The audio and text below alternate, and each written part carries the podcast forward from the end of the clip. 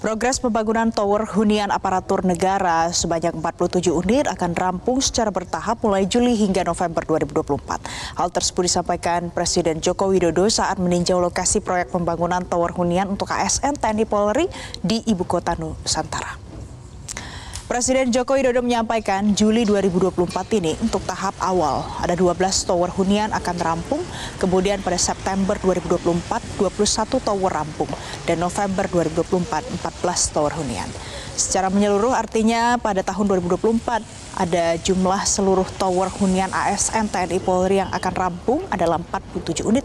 Dikebutnya pembangunan tower hunian ini sendiri untuk mendukung tahapan proses percepatan pemindahan para aparatur negara ke ibu kota Nusantara yang akan dimulai pada Juli 2024. Pemerintah akan memindahkan 3.246 aparatur sipil negara ke ibu kota Nusantara pada tahap pertama dan akan dimulai pada bulan Juli hingga November 2024 sudah ini batas ini tahannya maksudnya sampai yang tutup ya bro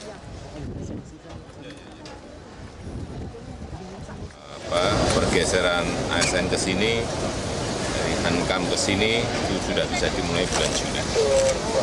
Pelan-pelan ini ini ini kerja masih jangka panjang tapi harus dimulai dimulai dimulai dimulai. Dan hari ini kita telah tapping off untuk menunjukkan bahwa gedung itu sudah hampir jadi, sudah setengah jadi. Ya, itu aja. Jelajahi cara baru mendapatkan informasi. Download Metro TV Extend sekarang.